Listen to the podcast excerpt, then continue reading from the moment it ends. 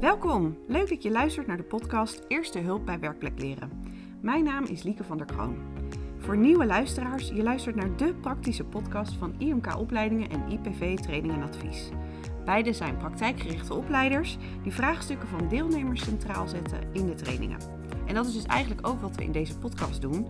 Elke aflevering nodig ik een van onze bevlogen trainers uit om te praten over een onderwerp waar veel deelnemers mee worstelen.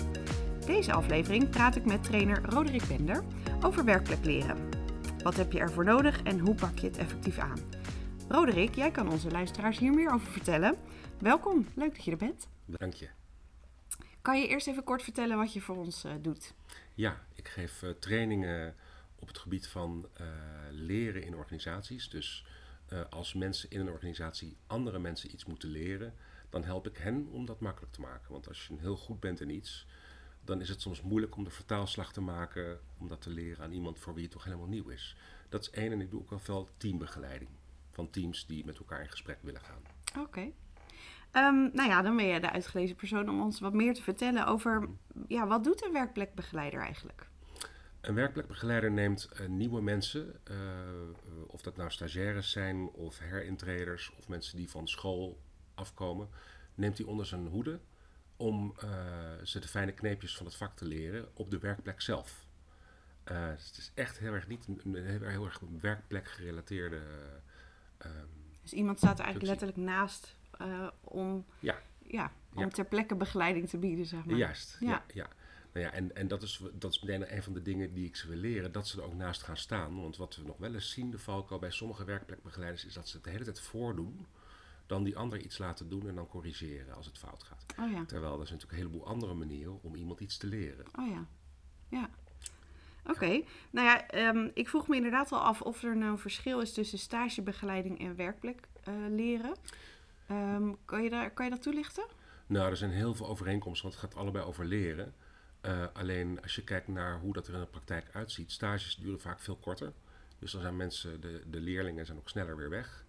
Um, terwijl werkplekbegeleiding in de, in de andere, langere zin van het woord, het kan soms zijn dat twee monteurs of twee mensen uh, twee jaar lang uh, met elkaar samen in het busje naar de klant rijden of door het land reizen mm -hmm. om dit te doen. Dus dan ontstaat er echt ook een relatie. Ja, een langdurige relatie. Dus dat is. Uh, en komen daar dan andere vaardigheden bij kijken? Ik kan me voorstellen dat je misschien meer in de coachende stijl gaat en op de kortere termijn heb je daar wat minder tijd voor misschien?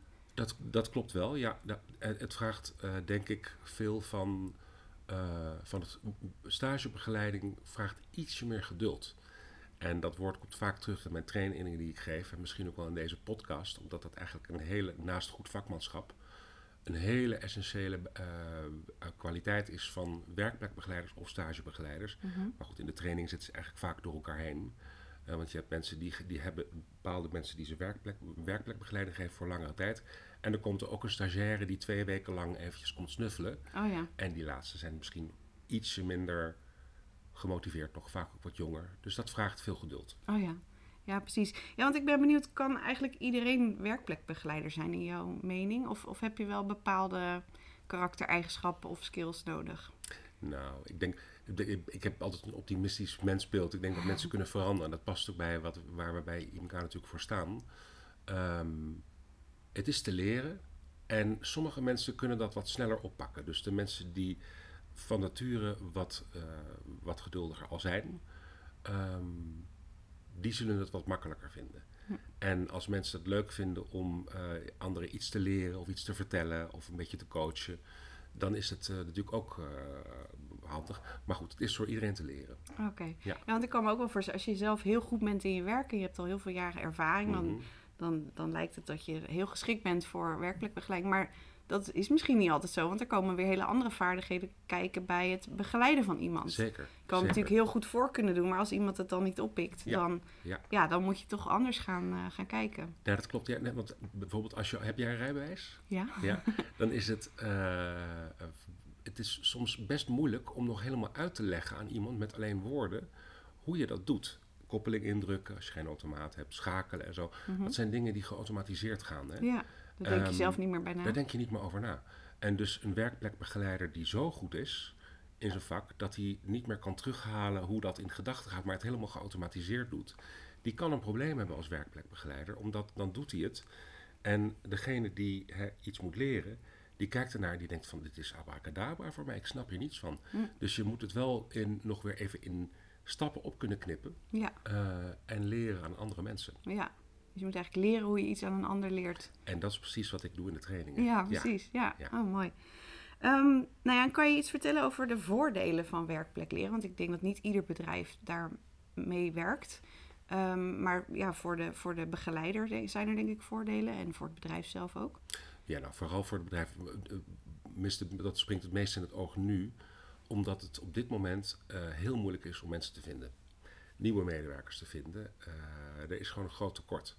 En ehm, ik denk dat bedrijven en organisaties er eigenlijk niet aan ontkomen om er hier serieus aandacht aan te geven.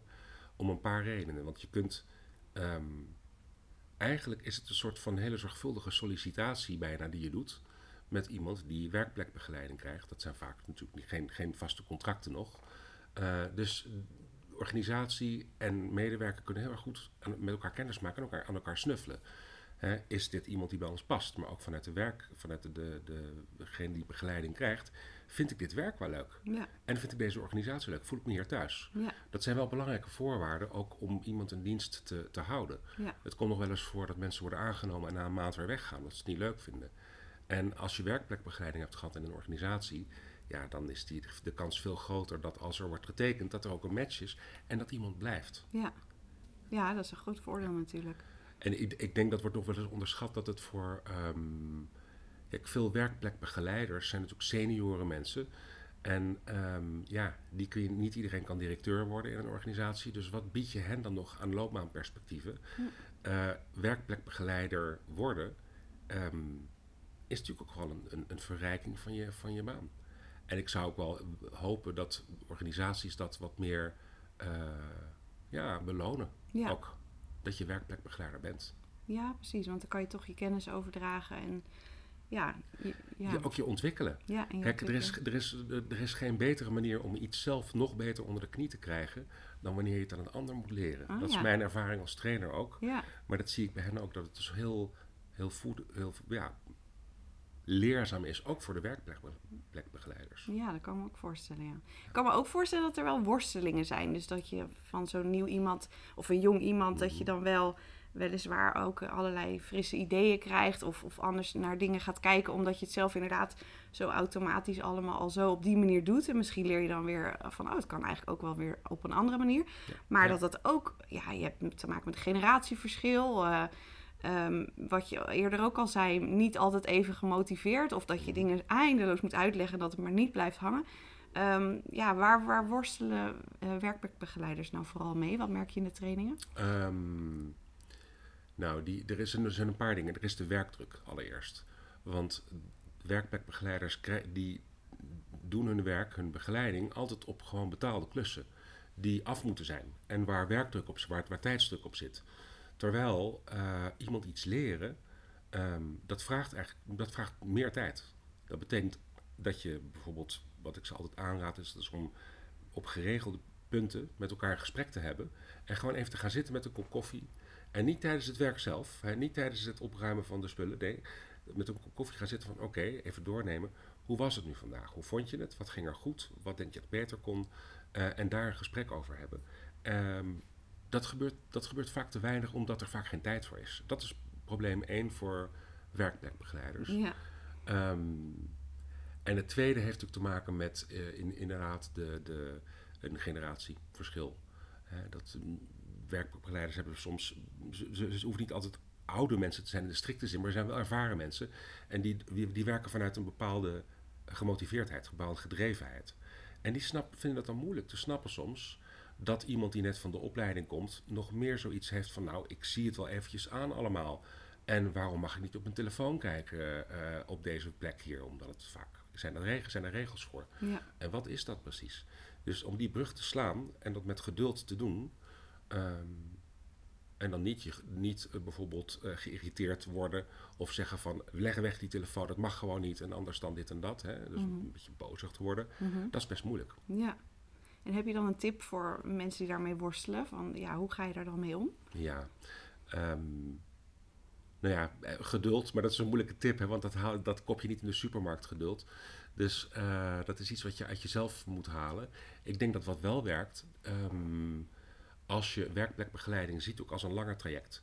Dus dat je in het begin uh, een, een, gesprek met elkaar voert, een verwachtingsgesprek noemen we dat. Mm -hmm. En dat je tussendoor ook uh, voortgangsgesprekken hebt. En dat je of in het eerste of in het tweede, um, dat je benoemt, dat je eigenlijk meer coachend optreedt. Uh, als het gaat om dingen als op tijd komen, de spullen opruimen. Een heel praktisch ding, maar dit is vaak, hè, of de, de schoonmaken, ja. veiligheid, heel belangrijke dingen waar echt om gehamerd moet worden. Ja. Maar bijvoorbeeld ook van inderdaad weer op die telefoon kijken of niet. Dat je er afspraken over maakt. Maar dan eerder in een coachende zin. Dus ik probeer mensen dan te leren om wel je boodschap heel duidelijk te vertellen, maar dan om een reactie te vragen. Van hoe is dat voor die ander? Oh ja. Vindt hij dat vervelend? Vindt hij dat balen? En waarom? En dan echt gewoon goed te luisteren, naar begrip voor op te brengen. Ja. Dan wel vervolgens ook zeggen van nou goed, dit, is wel, dit zijn wel de regels, daar moeten we ons aan houden. Ja. Maar misschien kunnen we daar iets over afspreken. Hè? Wat vroeger een rookpauze was, is dat nu een telefoonpauze? Ik weet het niet. Maar goed, dat, um, dat, is, dat, dat is belangrijk. Dus, ja, dus zo voelt zo'n jong iemand zich ook natuurlijk een beetje gezien en gehoord. En dan is het misschien ook makkelijker om je aan die regels te houden. Daar, daar sla je de spijker op zijn kop. Want Ja. het zijn hè, m- mensen die natuurlijk zich gerespecteerd willen voelen en uh, gemotiveerd willen worden. Ja, En dat word je niet als een werkplekbegeleider altijd maar aanjaagt en altijd maar zegt wat er niet goed gaat. nee. En dan vervolgens uh, alleen maar vertelt. Het is vooral het vertellen. Ehm, mensen willen betrokken worden. Ja. Mensen willen, aan, en willen, willen aangezet worden. Of dat nou is over, over dingen die ze moeilijk vinden. Of over werk dat ze ook daadwerkelijk niet goed kunnen nog. Mhm. Mensen willen aangezet worden. En dan blijven ze bij een bedrijf. Ja, ja, dat kan me voorstellen.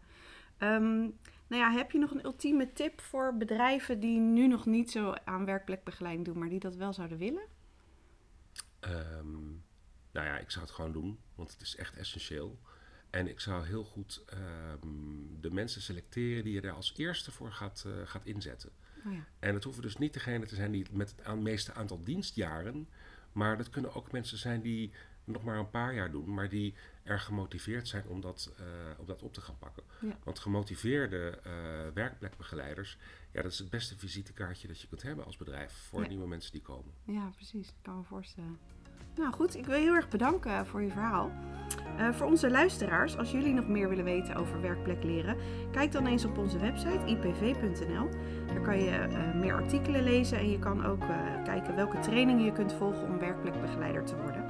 Heel erg bedankt voor het luisteren en ja, bedankt voor je komst, Roderick. Tot de volgende kast.